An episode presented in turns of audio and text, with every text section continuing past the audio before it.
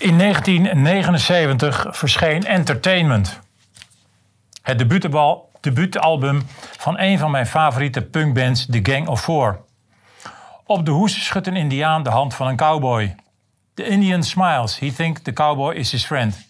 The cowboy smiles back. He is glad the Indian is fooled. Now he can be exploited, staat eronder geschreven. Een samenvatting van wat er met de Indianen in Noord-Amerika is gebeurd. Een van de nummers, 5.45, gaat over het nieuws op de televisie. How can I sit and eat my tea with all that blood runs from the television?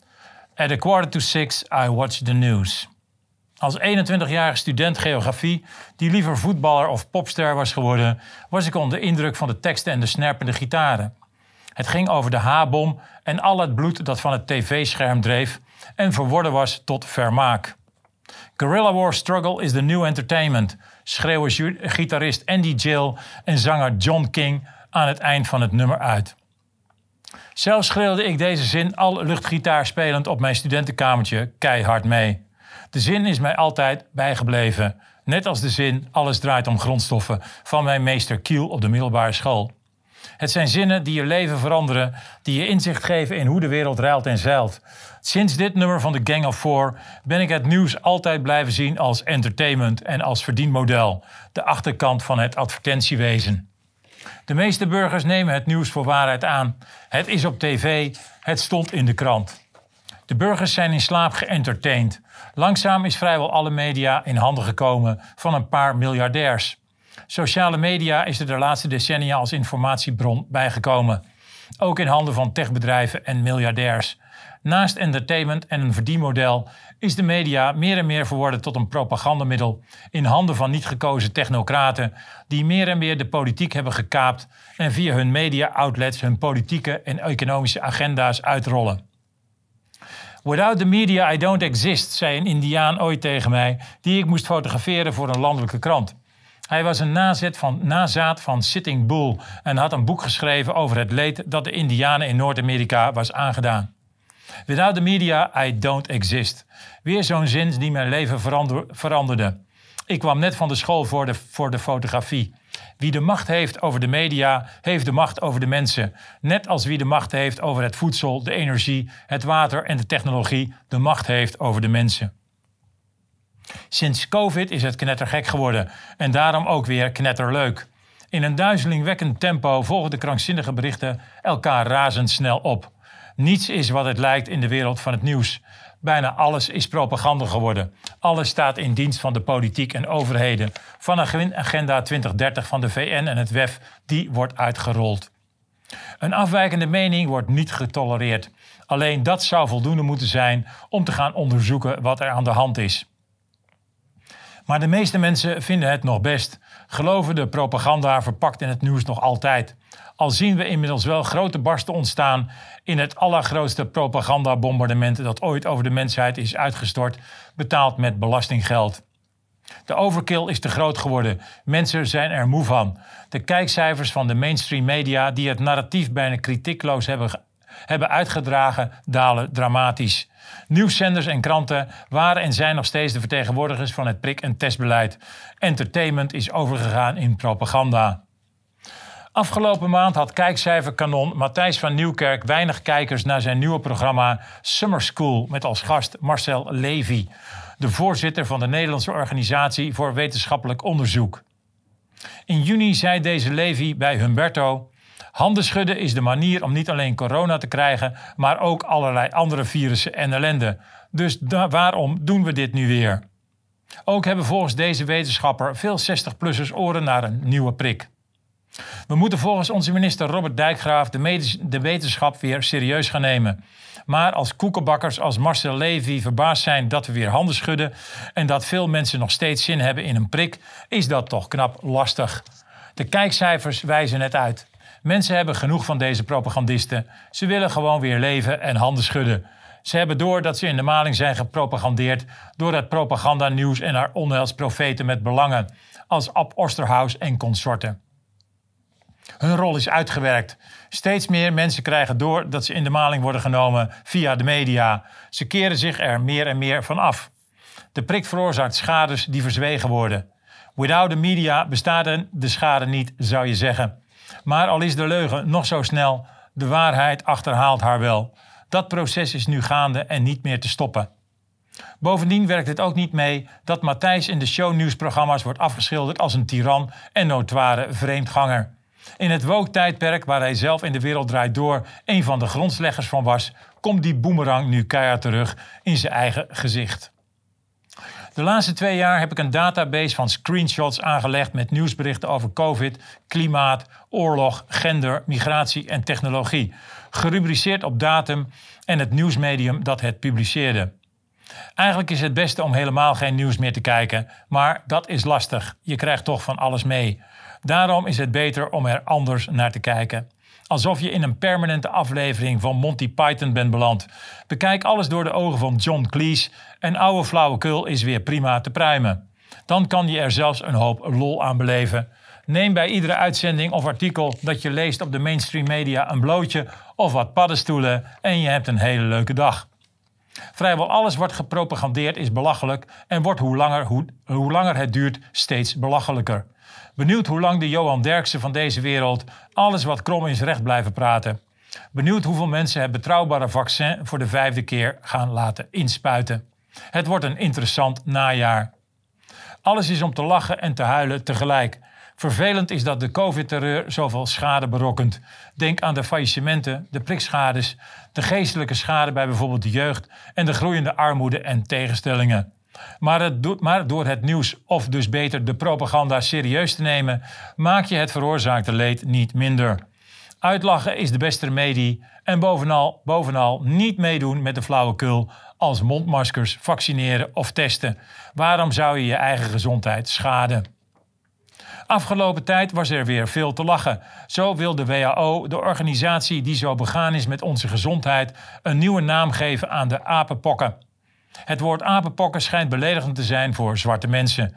Wie het als beledigend heeft ervaren, vermeldt het bericht niet. Misschien Lewis Hamilton of Barack Obama wellicht. We weten het niet. Het is heel belangrijk dat we een naam vinden voor apenpokken die geen aanstoot geeft aan een ethische groep, een streek, een land of een dier, zei WHO-woordvoerder Fedela Scheip. De Hollandse pokken is dus geen optie, net als de Betuwe-pokken of de Groningse pokken. De Duitse pokken zou mijn vader niet erg hebben gevonden, maar is dus ook uitgesloten, net als de schildpaddenpokken of de garnalenpokken. Persoonlijk denk ik dat niemand de apenpokken aanstootgevend vindt of serieus neemt. Apenpokken werkt alleen maar op de lachspieren. Het boezemt niet genoeg angst in. Dat is heel belangrijk. Met bange mensen kan je immers alles doen. Dat is wel gebleken de afgelopen twee jaar. Daarom moet er natuurlijk een nieuwe angstaanjagende naam komen. Het publiek en wetenschappers konden nieuwe namen voorstellen. De WHO heeft nog geen winnende nieuwe naam voor de apenpokken bekendgemaakt. OPO XID 22, Mpox en Trump 22 zijn kandidaten. In Nederland lijkt mij Jette 22 een serieuze optie. Heel angstaanjagend. Het nieuws om te lachen dende door. Begin augustus is ook de eerste hond besmet met het apenpokkenvirus gevonden.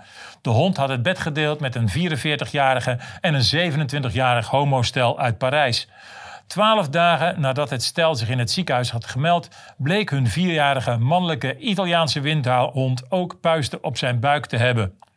Een PCR-test wees uit dat de hond apenpokken had, die voor 100% overeenkwamen met de stam die zijn baasjes had besmet. De WHO heeft onlangs gezegd dat nieuwe apenpokkengevallen zich blijven verspreiden onder mannen die seks hebben met mannen. Maar nu ineens is er de windhond uit Parijs. Of je daarvoor anale seks met je hond moet hebben gehad, vermeldt het bericht niet. Besmette hondenmensen, uitkijken. Verder is er opvallend veel heelal-nieuws. Het zijn vooral gevaren vanuit de ruimte die op ons afkomen. Meteorieten, buitenaards leven, imaginaire angst voor virussen, klimaat en gevaren uit het heelal. Angst wordt permanent de samenleving ingepropagandeerd. Begin augustus verschenen er berichten over een geomagnetische storm. De zon is de komende jaren actiever geworden, was er te lezen.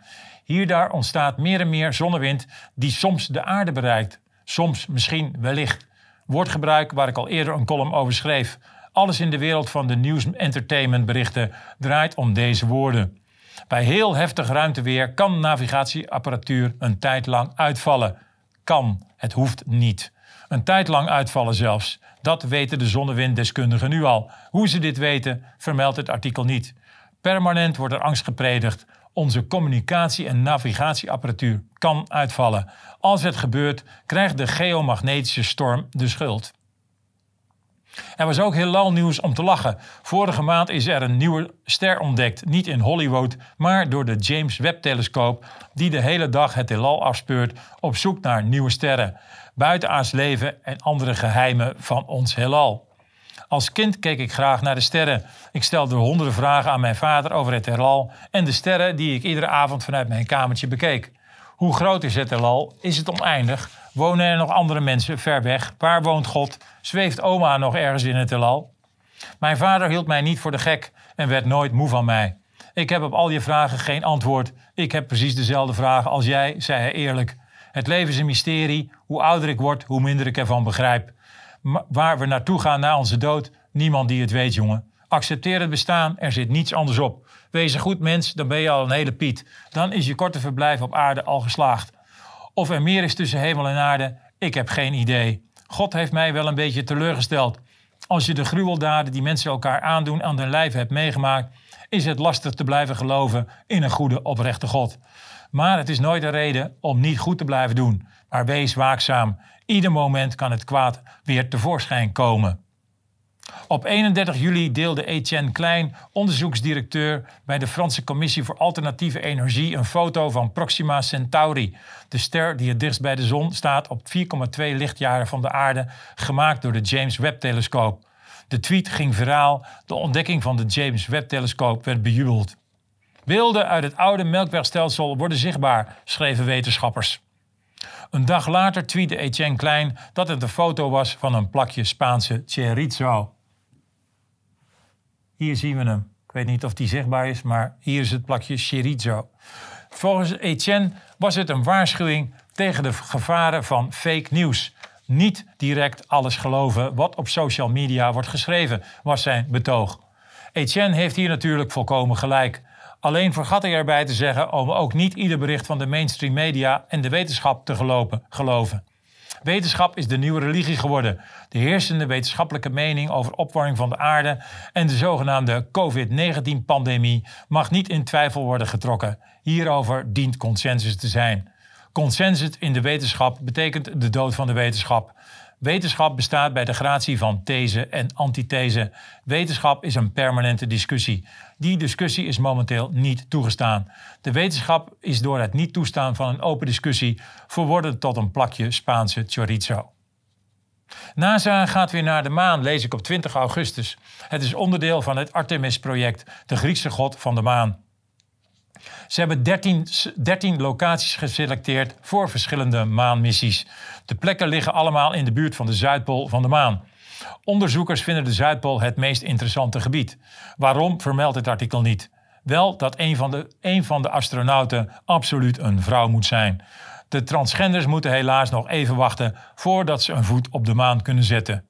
Missies naar de maan. Ik kan mij maar twee redenen voorstellen om naar de maan te gaan. Ten eerste een militaire reden, niets nieuws onder de zon. In 1983 lanceerde de Amerikaanse president Ronald Reagan het Star Wars-programma. Officieel heette dit project het Strategic Defense Initiative. Het betrof een plan om in de ruimte een raketschild te vormen die Russische raketten moest tegenhouden. Een andere reden om naar de maan te gaan kan een meester Kiel-reden zijn. NASA vermoedt dat er grondstoffen te halen zijn op de maan. Zeldzame metalen die kunnen worden gebruikt in de technologische revolutie die gaande is. De landing op de maan in 1969 zag ik in een piepklein dorpje in Oostenrijk, waar ik met mijn ouders op vakantie was. Terug in Nederland gingen we op bezoek bij mijn grootouders. Er ontstond een hevige discussie over de maanlanding.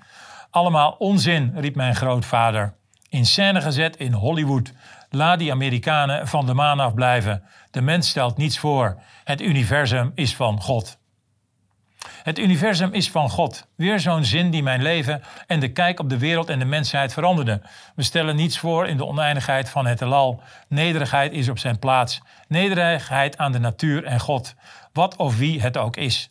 Nederigheid die nu te grabbel wordt gegooid door wetenschappers, politici, bankiers en andere mensen met grootheidswaanzin als de webfluisteraar Yuval Harari. Als je een probleem hebt, vraag je het aan Google in plaats van aan God. Volgens Harari wordt het gevecht van deze eeuw die tussen de gezondheid en privacy. Gezondheid gaat winnen volgens hem. Dat belooft niet veel goeds. Gezondheid door vaccinatie is wat we nu in de praktijk zien gebeuren. Voorlopig ziet er naar uit dat het menselijke geknutsel met vaccins om je te beschermen tegen een virus hopeloos gaat falen en grote gevolgen gaat krijgen voor de gezondheid van miljoenen mensen. Een virus dat niet gevaarlijker is dan de griep. Laat dat nog even duidelijk gezegd. De arrogantie om te denken dat we het immuunsysteem een handje kunnen helpen met een vaccin is een schromelijke overschatting van de wetenschap. Ze pretenderen van alles, maar weten eigenlijk niets. De mens, komt, de mens komt op geen enkele manier dichter bij het mysterie, het van het leven. Het is allemaal bluff, controle en een verdienmodel. When humans become God, becomes God, become God, as long as technology is serving us, zegt Harari in een interview. Dat is wat nu niet gebeurt. Integendeel, de technologie wordt ingezet om te controleren. De COVID-hoax is een grote zwendel. Alles hangt van liegen en bedriegen aan elkaar. Corruptie en zelfverdijking vieren hoogtij. De mensen die Agenda 2030 nu over ons uitrollen, hebben wellicht te lang naar de maan gekeken. Daar kan je namelijk behoorlijk gek van worden. Maanziekte of lunatisme is een geestesziekte ziekte waarbij mensen door stemmingswisselingen worden getroffen. De Italiaanse schrijver Luigi Pirandello schreef er in 1913 een kort verhaal over. Het is een ingewikkeld liefdesverhaal. Hoofdpersoon Bata is als kind achtergelaten in maanlicht en is er geestesziek van geworden. In 1984 maken de Italiaanse broers Paolo en Vittorio Taviani de film Chaos. Het is een verfilming van vijf novellen van Luigi Pirandello uit de 19e eeuw. Maanziekte is een van de verhalen in de film. Het is een van mijn lievelingsfilms. Ik ben het steeds meer met mijn grootvader eens. Het universum is van God.